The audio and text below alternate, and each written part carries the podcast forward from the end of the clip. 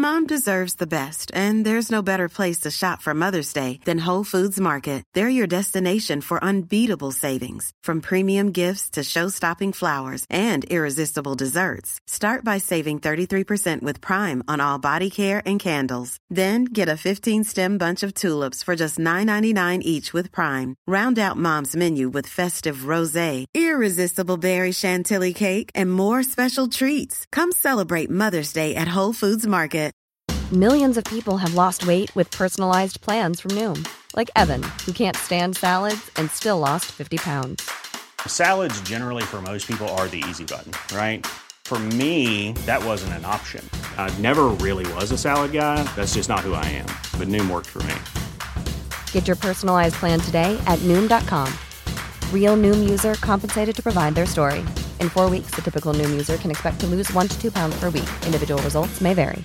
Ready to pop the question? The jewelers at BlueNile.com have got sparkle down to a science with beautiful lab grown diamonds worthy of your most brilliant moments. Their lab grown diamonds are independently graded and guaranteed identical to natural diamonds, and they're ready to ship to your door. Go to BlueNile.com and use promo code LISTEN to get $50 off your purchase of $500 or more. That's code LISTEN at BlueNile.com for $50 off. BlueNile.com code LISTEN.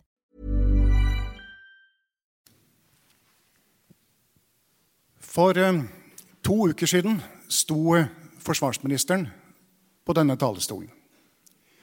For eh, en uke siden sto forsvarssjefen her. Alvoret i begge foredragene var sterkt. Vi deler grense med en stat som har forlatt rettsstaten, i den grad de smakte på den noe særlig, og som forbeholder seg retten til å bruke den militærmakt, den makt og den vold de måtte ønske å bruke der denne staten måtte ønske å bruke den. Aleksej Navalnyj, Putins sterkeste opponent og en av de få som torde å stå opp mot despoten, er nå død. Russland er tilbake der de har vært så lenge, med fangeleir i Sibir som endestasjon for det den siviliserte del av verden ville ha kalt legitim politisk opposisjon. Både ministeren og forsvarssjefen fremholdt gang på gang og ut fra ulike vinklinger hvor mye våre øyne og ører, vår analyseevne, vår evne til å følge med på hva som skjer i denne staten, i Russland, hvor mye det betyr, og hvilken eh, forse, hvilken styrke dette er for Norge og det norske forsvaret, og for vår kamp for vår fred og frihet. Vi har eh, vært så heldige igjen å få sjefen for eh, Etterretningstjenesten, viseadmiral Stensønes, til å presentere E-tjenestens årlige trusselvurdering. Jeg kan allerede fortelle at du har satt ny oppmøterekord i OMS Admiral. Gratulerer. Velkommen tilbake hit. Talerstolen er din.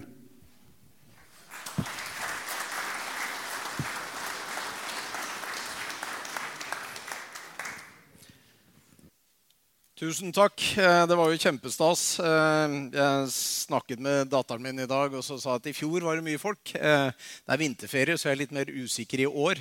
Nå er det ikke sikkert alle dere hadde planlagt vinterferie uansett, men det er utrolig hyggelig at så mange kommer og hører på. Veldig gøy å se så mange kjente fjes.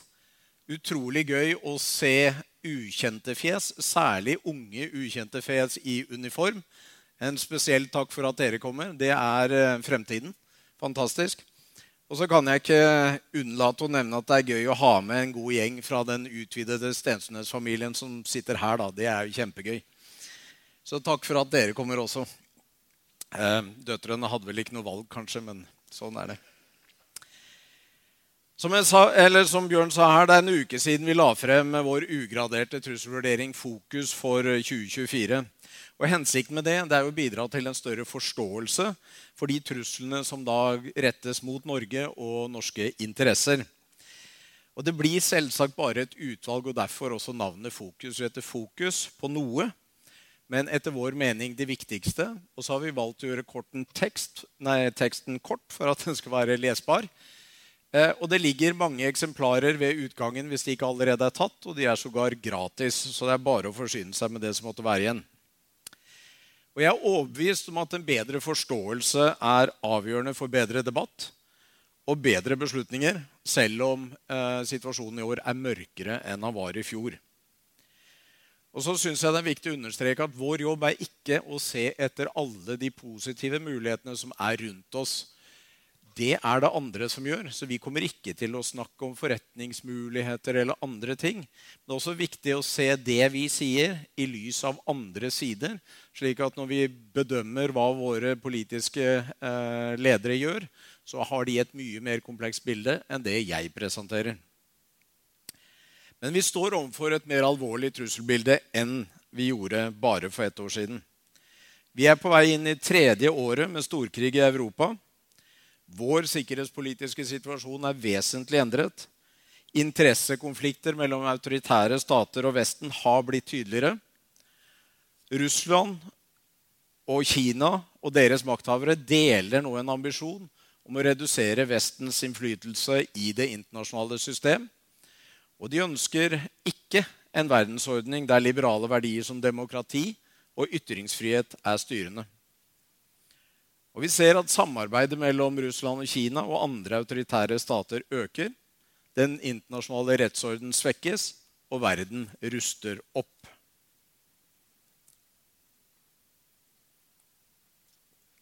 I eh, desember for drøyt to år siden så sto over 100 000 russiske styrker oppmarsjert ved grensen til Ukraina.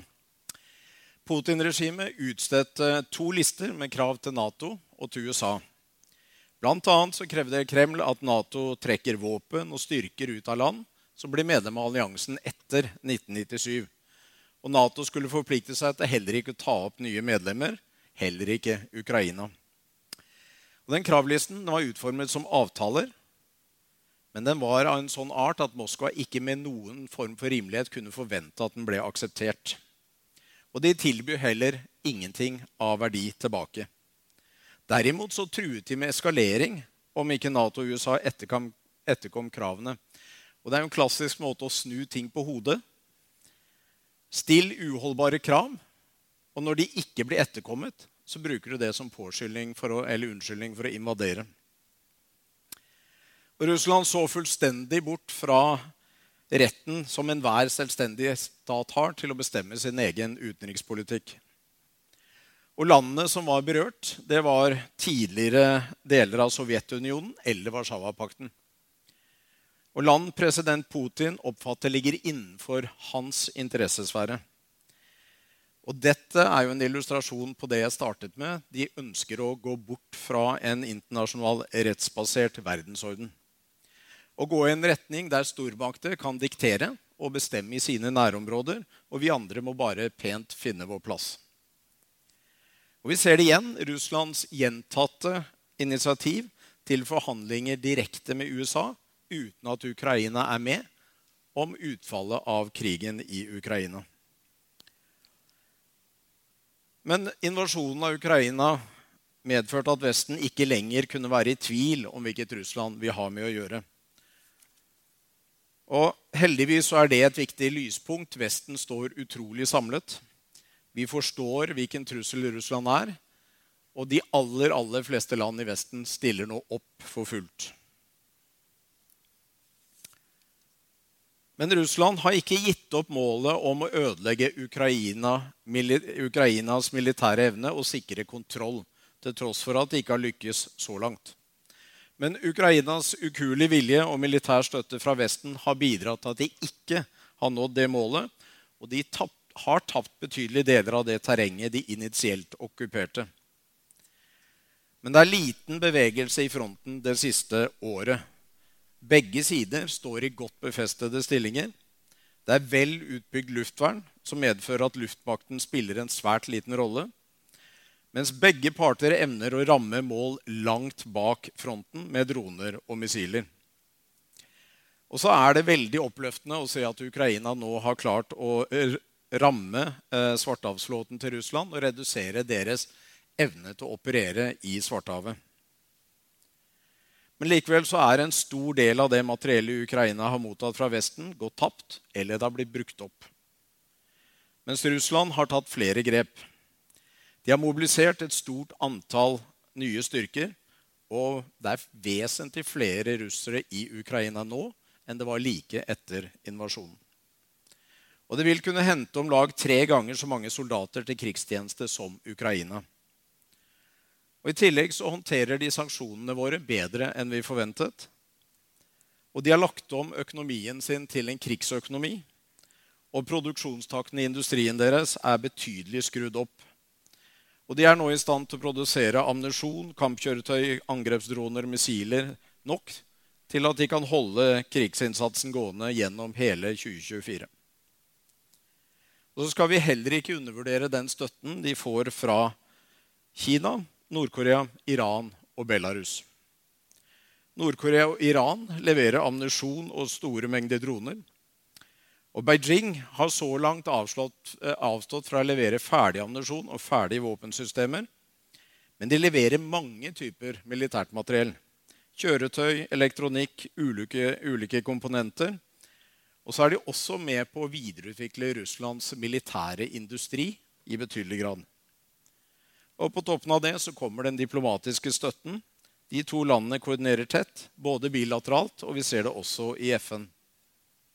Og vi ser ingen tegn til at Beijing prøver å overtale Russland til å stoppe denne krigen.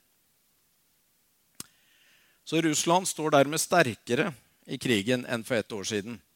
Og som jeg sa for en uke siden, så er Russland i ferd med å tilrive seg initiativet.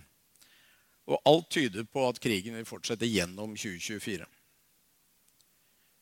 For Ukraina så betyr denne utviklingen, til tross for landets enorme og suksessfulle innsats, at det vil kreve omfattende vestlig våpenstøtte for at de skal kunne forsvare seg og gjenvinne initiativet. Det vil også kreve rekruttering av stadig nye soldater i Ukraina. Men de har et enormt behov for tilførsel av ammunisjon, luftvern, stridsvogner, pansra kjøretøy og fly for å kunne forsvare seg. Men de trenger også moderne langtrekkende våpen for å bekjempe mål langt bak fronten, hvor effekten er stor. Og Det er ikke enten-eller, men både og. Og for å sitere det president Zelenskyj sa i München i helgen det handler ikke om å gjøre noe, men det handler om å gjøre alt. I Russlands store byer så går dagliglivet tilsynelatende som normalt. Men stadig flere menn, hovedsakelig utenfor de store byene, rekrutteres, gis svært kort opptrening før de blir sendt til fronten. Selv om tapsraten har gått ned, så har Russland nå altså tappet godt over 300 000 soldater. Så ser vi at det russiske politiske system får stadig flere totalitære trekk. Befolkningens levekår forverres, men staten beholder kontrollen gjennom politisk undertrykkelse, overvåkning og propaganda. Og så holder regimet fast ved en fortelling om at Russland er under angrep fra Vesten. Og I det russiske narrativet så bruker Nato krigen i Ukraina til å utkjempe en stedfortrederkrig med Russland. Og Kreml bruker intensiv propaganda og undertrykker alle kritiske stemmer for å overbevise den russiske befolkningen om at det sittende regimet er det som er best egnet for å ivareta Russlands interesser. Opposisjonen blir truet, fengslet eller drept, som med opposisjonslederen Navalnyj skjedde nå i helgen.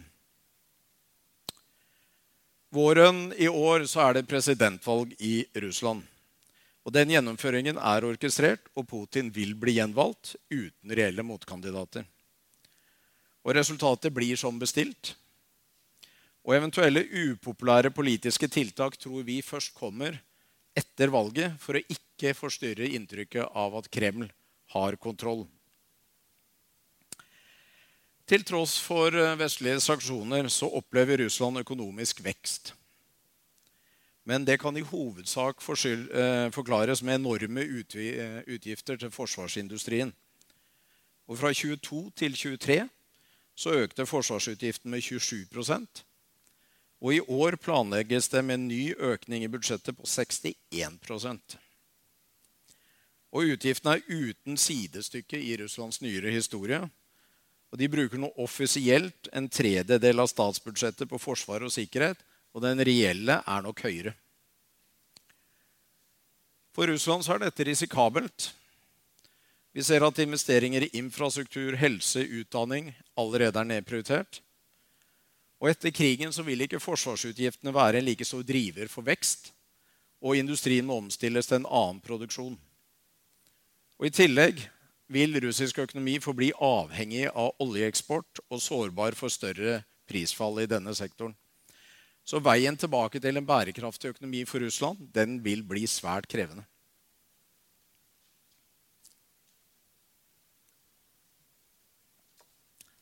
Krigen i Ukraina kommer til å påvirke utviklingen av russisk militærmakt i mange år. Og Russland har begynt gjenoppbyggingen av kapasiteter som er vi viktig for videreføringen av krigen, men også viktig for å bygge opp militærmakten etter krigen. Deriblant våpen og materiell til landstyrkene, som har blitt særlig svekket. Og så ser vi at produksjonstak på missiler og droner har økt. For at de skal klare å angripe bak fronten øh, igjen. Og det, målet med det er å berøre ukrainske befolkningssentra og kritisk infrastruktur i Ukraina. Både for å svekke den fysiske militærmakten, også svekke den viljen ukrainerne har til å kjempe. Og det vi ser, er at intensiveringen av våpen- og utstyrsproduksjon så har Russland korta ned tiden de vil trenge for å gjenoppbygge kampkraften sin til førkrigsnivå til mellom tre til fem år etter at krigen er over. Men den russiske militærmakten vil ikke bli som før. Erfaringer og utprøving av nye våpen og teknologi på slagmarken i Ukraina vil også påvirke utviklingen i årene som kommer. Og det vil være avgjørende at vi tar lærdom av denne krigen. Den viser veldig godt hva Russland behersker, og hva de ikke behersker så langt. Men utviklingen går fort på begge sider, både med tanke på teknologi og operasjonskunst. Russlands svekkede konvensjonelle evne har økt betydningen av deres strategiske avskrekkingsstyrkene og de har sin største konsentrasjon som mange av dere vet, i våre nærområder. Nå er de ikke rettet mot Norge, men Nordflåtens strategiske ubåter er det som garanterer Russland evne til å svare på et uh, nukleært angrep. Og Nordflåtens kapasiteter gjør den derfor helt sentral for russisk avskrekking.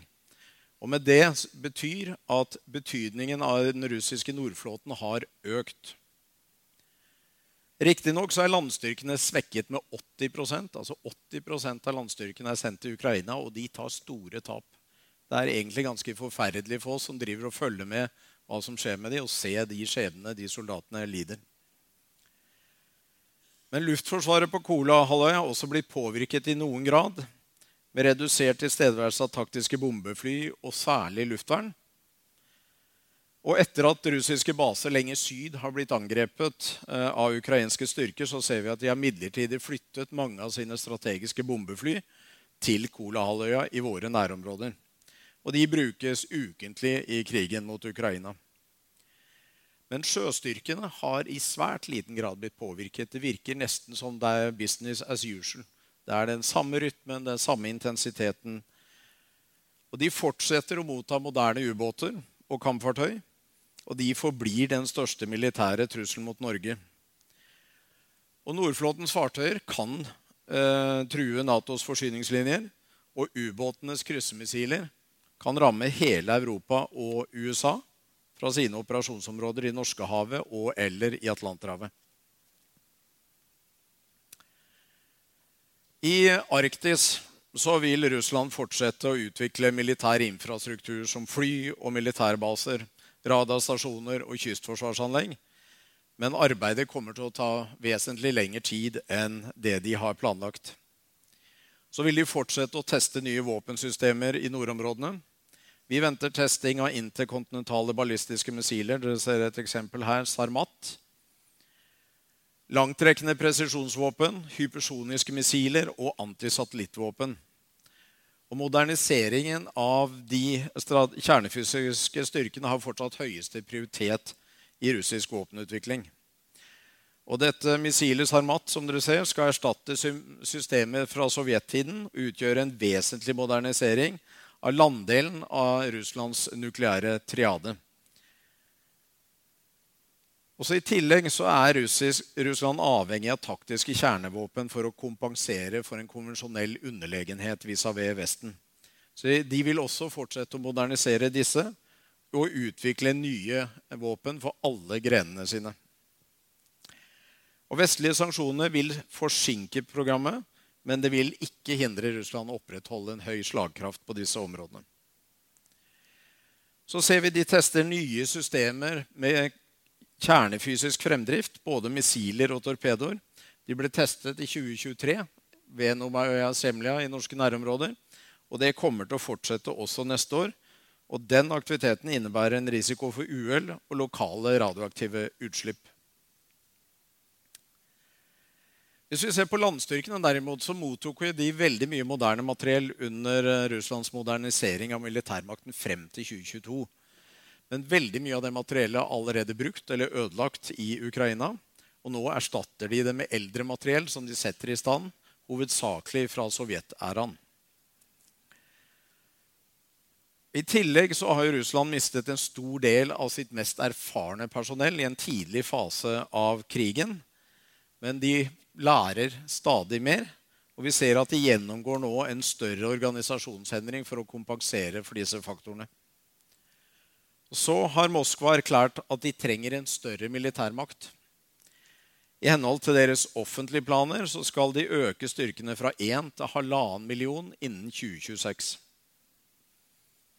De har også ambisjoner om å endre ledelsesstrukturen, så de går tilbake til den strukturen de hadde under eh, den kalde krigen, og gjenoppretter Moskva og Leningrads militærdistrikt. Og så oppretter de nye avdelinger ved finskegrensen og nye infanteridivisjoner og land-luft-divisjoner skal også bygges opp. Men så er det sånn at det er Russlands planer er Ryan Reynolds here from Mint Mobile. With the price of just about everything going up during inflation, we thought we'd bring our prices down. So to help us, we brought in a reverse auctioneer, which is apparently a thing. Mint Mobile unlimited premium wireless. Ready to get 30, 30, bit to get 30, bit to get 20, 20, 20, bit to get 20, 20, bit to get 15, 15, 15, 15 just 15 bucks a month. So, Give it a try at mintmobile.com/switch. slash $45 up front for 3 months plus taxes and fees. Promo rate for new customers for limited time. Unlimited more than 40 gigabytes per month slows. Full terms at mintmobile.com.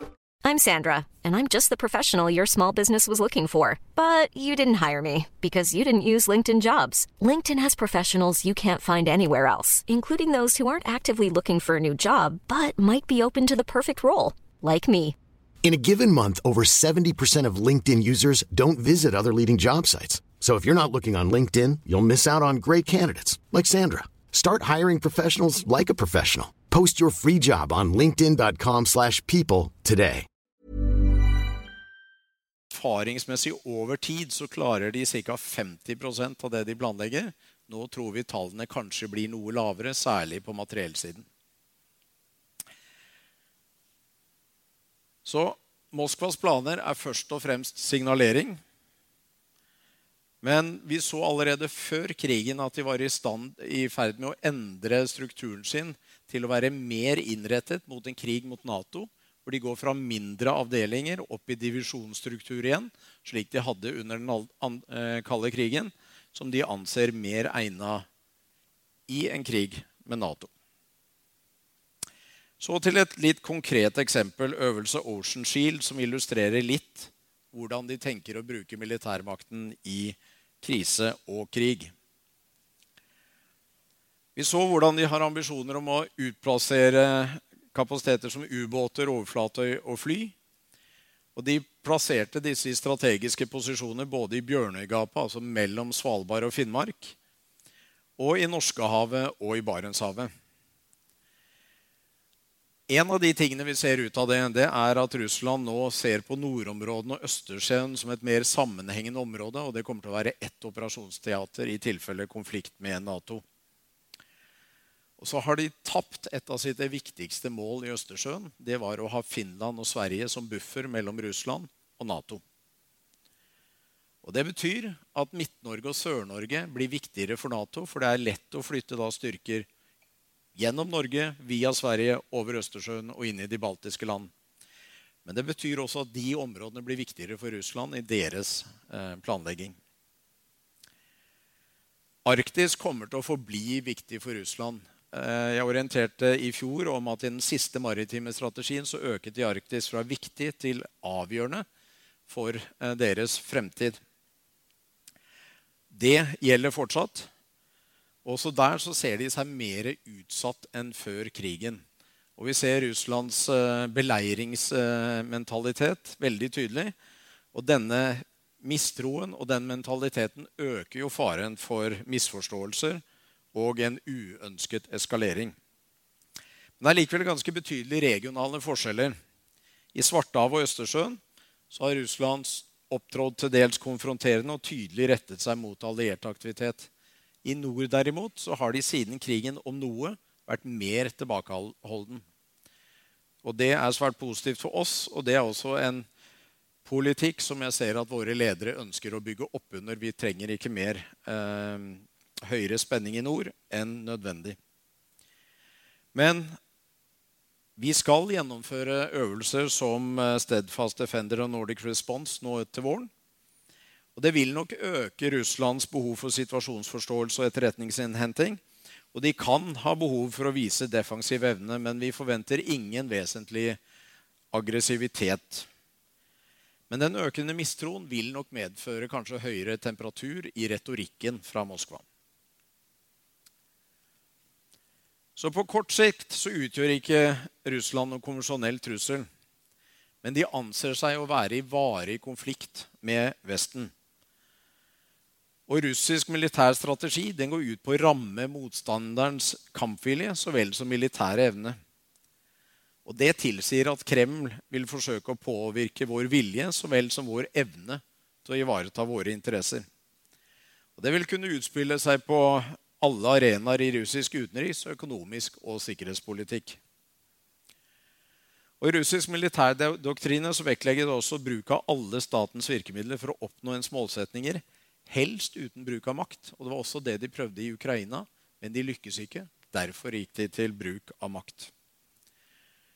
Men om nødvendig så er de villige til å bruke militærmakt mot sivile mål, og de anser det som legitimt. Politisk ledelse, samfunnskritisk infrastruktur og mål av stor økonomisk verdi.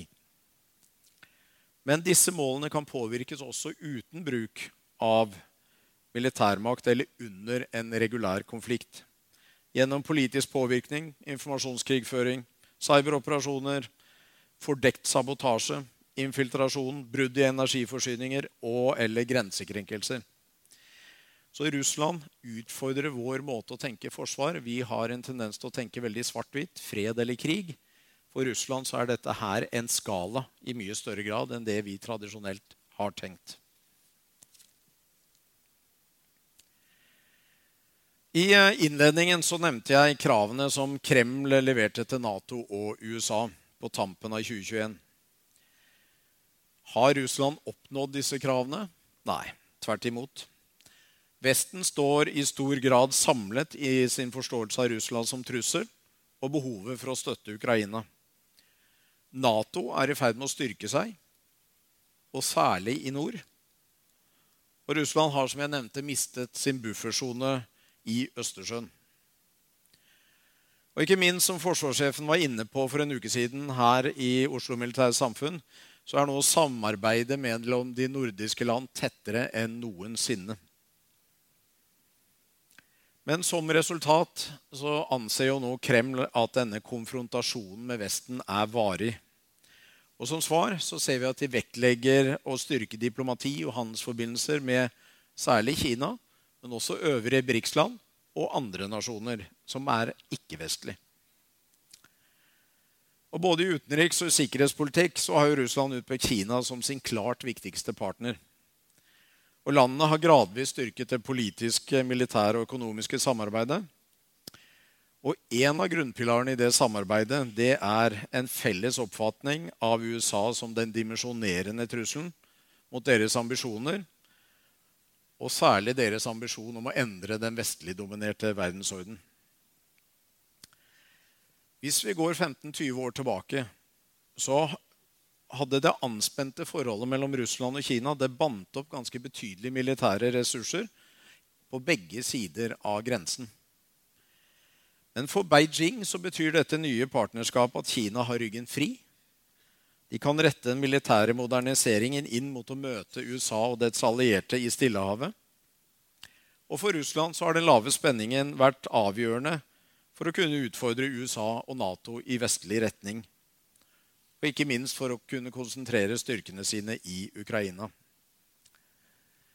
Men denne avtalen om strategisk partnerskap uten grenser fra februar 22 til tross, det eksisterer fortsatt betydelig grad av mistro mellom disse to nasjonene. Og asymmetrien i dette partnerskapet den fortsetter også å øke i Kinas favør. Kina er uunnværlig for Russlands evne til å dempe effekten av vestlige sanksjoner og stabilisere russisk økonomi. Så I fjor så oversteg handelen mellom de to landene 200 milliarder dollar for første gang. Russlands sårbarhet for sanksjoner reduseres, men avhengigheten av Beijing øker. Og Kina har blitt en global stormakt med stor eh, innflytelse på internasjonal samhandling, økonomi og sikkerhet. Og Kommunistpartiet søker som sagt en ny verdensorden der Kinas stilling gir de rett og gir dem en definisjonsmakt i internasjonale spørsmål. Og Vi regner med at Kina vil fortsette å søke økt innflytelse i internasjonale fora og redusere vestlig innflytelse. Og Kinas styrking av forholdet til det vi kaller globale sør, altså ikke-vestlige land langt syd, er blant de viktigste de vektlegger. Og Det er viktig for Kina for å bygge allianser, og det er viktig for å sikre tilgang på råvarer så ser vi at dette initiativet understøttes av Kinas etterretningstjenester, som nå opererer effektivt over hele verden. Og det omfatter politisk etterretning, industrispionasje og militærspionasje. Og så er det viktig å legge merke til at Beijing har et juridisk rammeverk hvor de kan utnytte næringsliv og alle kinesiske borgere som er pålagt å jobbe for kinesiske interesser. Og de har en lov som pålegger enhver kinesisk borger å jobbe for kinesisk etterretning når de har behov. Men så ser vi at Beijing forbereder seg nå på en hardere periode, svakere økonomisk vekst og tiltagende press utenfra. Og Det gjør at de må prioritere nasjonal selvberging og teknologiutvikling til fordel for økonomisk vekst. Men likevel så forblir økonomisk styrke Beijings viktigste virkemiddel i utenrikspolitikken. Og rivaliseringen med USA gjør det dessuten viktig for Beijing å opprettholde et godt forhold til Europa. Vi ser at Kina nå vektlegger forhold hvor de kan så en splid mellom Europa og USA. Og Kinas forsvarsmakt, eh, folkets frigjøringshær, markerer 100-årsjubileum i 2027. Og innen da skal det nå svært ambisiøse eh, moderniseringsmål. Og Formålet er ikke bare å redusere USAs eh, og dets alliertes posisjon i Stillehavet, men også være i stand til å ta Taiwan med makt dersom nødvendig. Og vi ser at de fortsetter med tiltak for å isolere Taiwan diplomatisk, og med høyt aktivitetsnivå i regionen som de gradvis skrur opp. Og Det siste øker faren for utilsiktede hendelser og eskalering, og det bidrar til en skjør sikkerhetssituasjon i regionen. Og Kinas militærmakt søker å utvikle høyteknologi og vokse i volum for å møte det de anser som en overlegen motstander. Og Målet er å utligne Vestens militærteknologiske dominans innen 2035 og overgå USA på viktige områder innen 2049. De satser mye på stordata, kunstig intelligens, og utnytter det for å få informasjonsoverlegenhet og et militært overtak. Videre så jobber de for å utvikle en robust og troverdig kjernefysisk triade innen 2040, likeverdig i volum og kapasitet som Russland og USAs arsenal. Og dette arsenalet øker nå veldig raskt. Den største økningen skjer på landbaserte interkontinentale eh, missiler, Men Kinas sjø- og luftleverte kjernevåpenevne er foreløpig begrenset, men vi ser at de bygger nye ubåter, og strategiske bombefly er under utvikling. Og så bygger de ut uran- og plutoniumskildene for å kunne understøtte både dette og sivile formål. Denne utviklingen viser at Kina har forlatt noe som har vært en av grunnpilarene i deres forsvar så langt. Og det er en minimums avskrekkingsdoktrine og går opp til en helt annen doktrine. Så Kinas betydning som stormakt er imidlertid tydelig på så å si alle arenaer.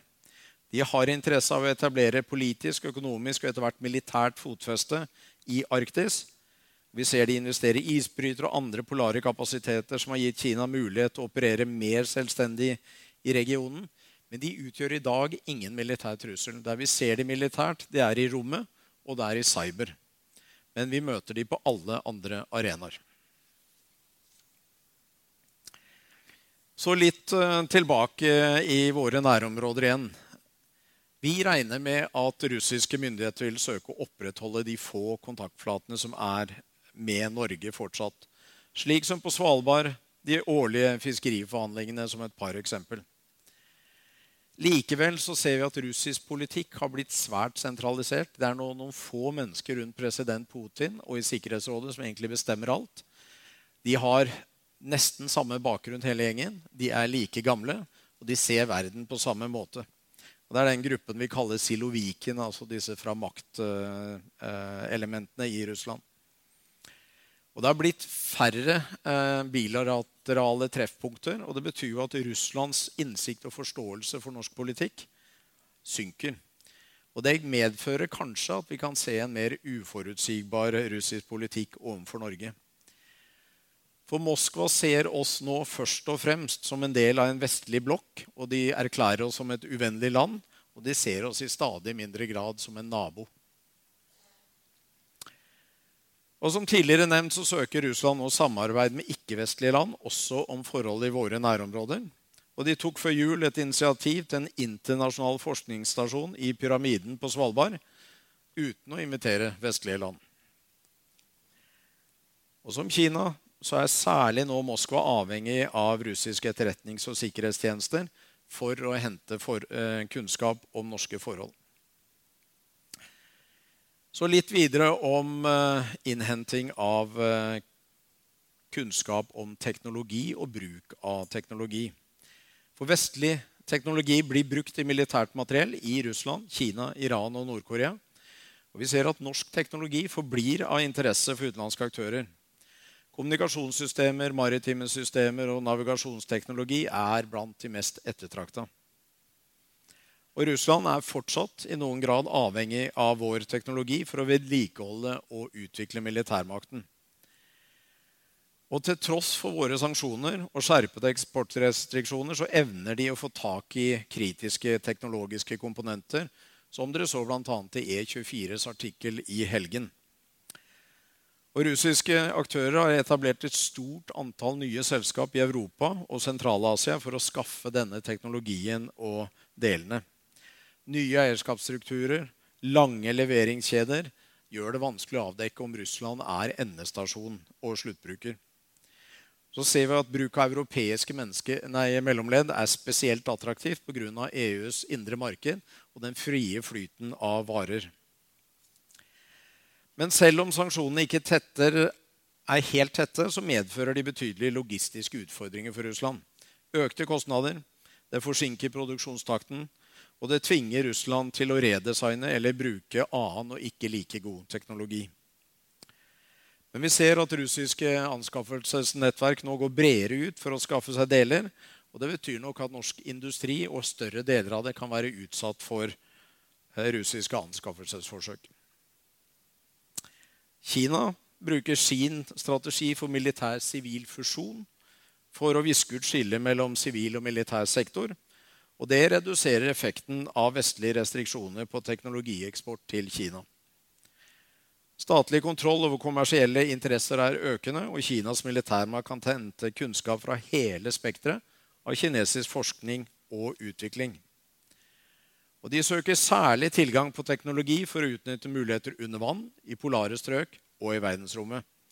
Så viser de interesse for kryptologi, atomteknologi og bioteknologi. Og dette er felt med sivile så vel som militære anvendelsesområder.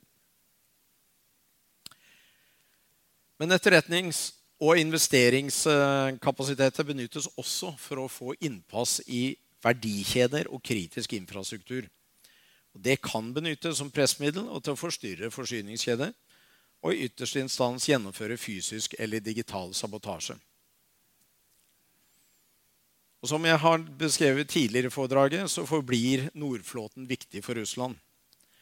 Men der har de også en annen kapasitet, det russiske undervannsrekognoseringsprogrammet, eller RURP, som disponerer avanserte overflatefartøy, ubåt og andre systemer for kartlegging, rekognosering og sabotasje mot militære og sivile kommunikasjonskabler og undervannsinstallasjoner. Og Norge er i dag en viktig leverandør av energi til Europa. Vi ser at Russland har kartlagt norsk kritisk olje- og gassinfrastruktur over flere år. Og den kartleggingen pågår fortsatt, både fysisk og særlig i det digitale rom. Og Vi ser at de bruker et stort antall sivile fartøy som har legitim eh, adgang tett på norsk infrastruktur og Norges kyst. Og Det som er mest krevende med de, det er å oppdage om de driver etterretningsaktivitet på toppen av den kommersielle aktiviteten. Da må jeg igjen minne om det er mange hensyn som jeg sa innledningsvis, som våre politikere må gjøre. Man kunne motvirket dette ved å stenge alt, men det ville ha negativ effekt på andre, andre områder. Men for å begynne å summere opp vi står overfor en dystrere sikkerhetspolitisk situasjon enn for ett år siden. Og det finnes dessverre flere nedslående momenter. På Gazastripen har krigen rast siden oktober. Og Det medfører at terrortrusselen fra militante islamister mot Europa igjen har økt. Og konfliktnivået i Midtøsten vil forbli høyt gjennom året og utgjøre en trussel selvfølgelig først og fremst mot de lokale, men også mot militært personell eh, og norsk, eh, norsk militært personell og norske interesser i regionen. Og så ser vi at denne stormaktsrivaliseringen har kraftig svekket regimene for rustningskontroll. Nå er det svært få igjen. Men den videre utviklingen av dette trusselbildet det avhenger ikke bare av de momentene vi beskriver, men i svært stor grad hvordan Vesten velger å forholde seg til dem. Og Det vestlige samarbeidet forblir helt sentralt for Norge og Europas og hele Vestens sikkerhet. Russland under president Putin respekterer og de forstår kontinuitet, fasthet og styrke. Og Derfor er Norge og Natos alliansens fasthet i møte med Russland avgjørende for hvordan Kreml kommer til å agere i årene som kommer. Men så lenge Russland ikke lykkes i krigen mot Ukraina, vil de ikke utfordre et militært overlegent Nato. Og det gir oss noe tid til å forberede oss og forsterke det norske forsvaret.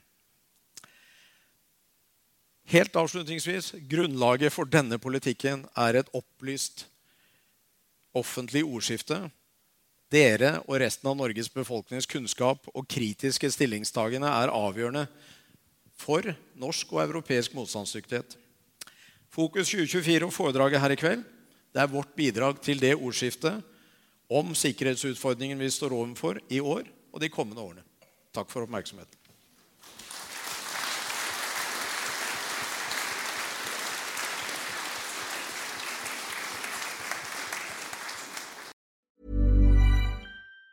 Even on a budget, quality is non-negotiable. That's why Quince is the place to score high-end essentials at 50 to 80% less than similar brands. Get your hands on buttery soft cashmere sweaters from just 60 bucks, Italian leather jackets, and so much more.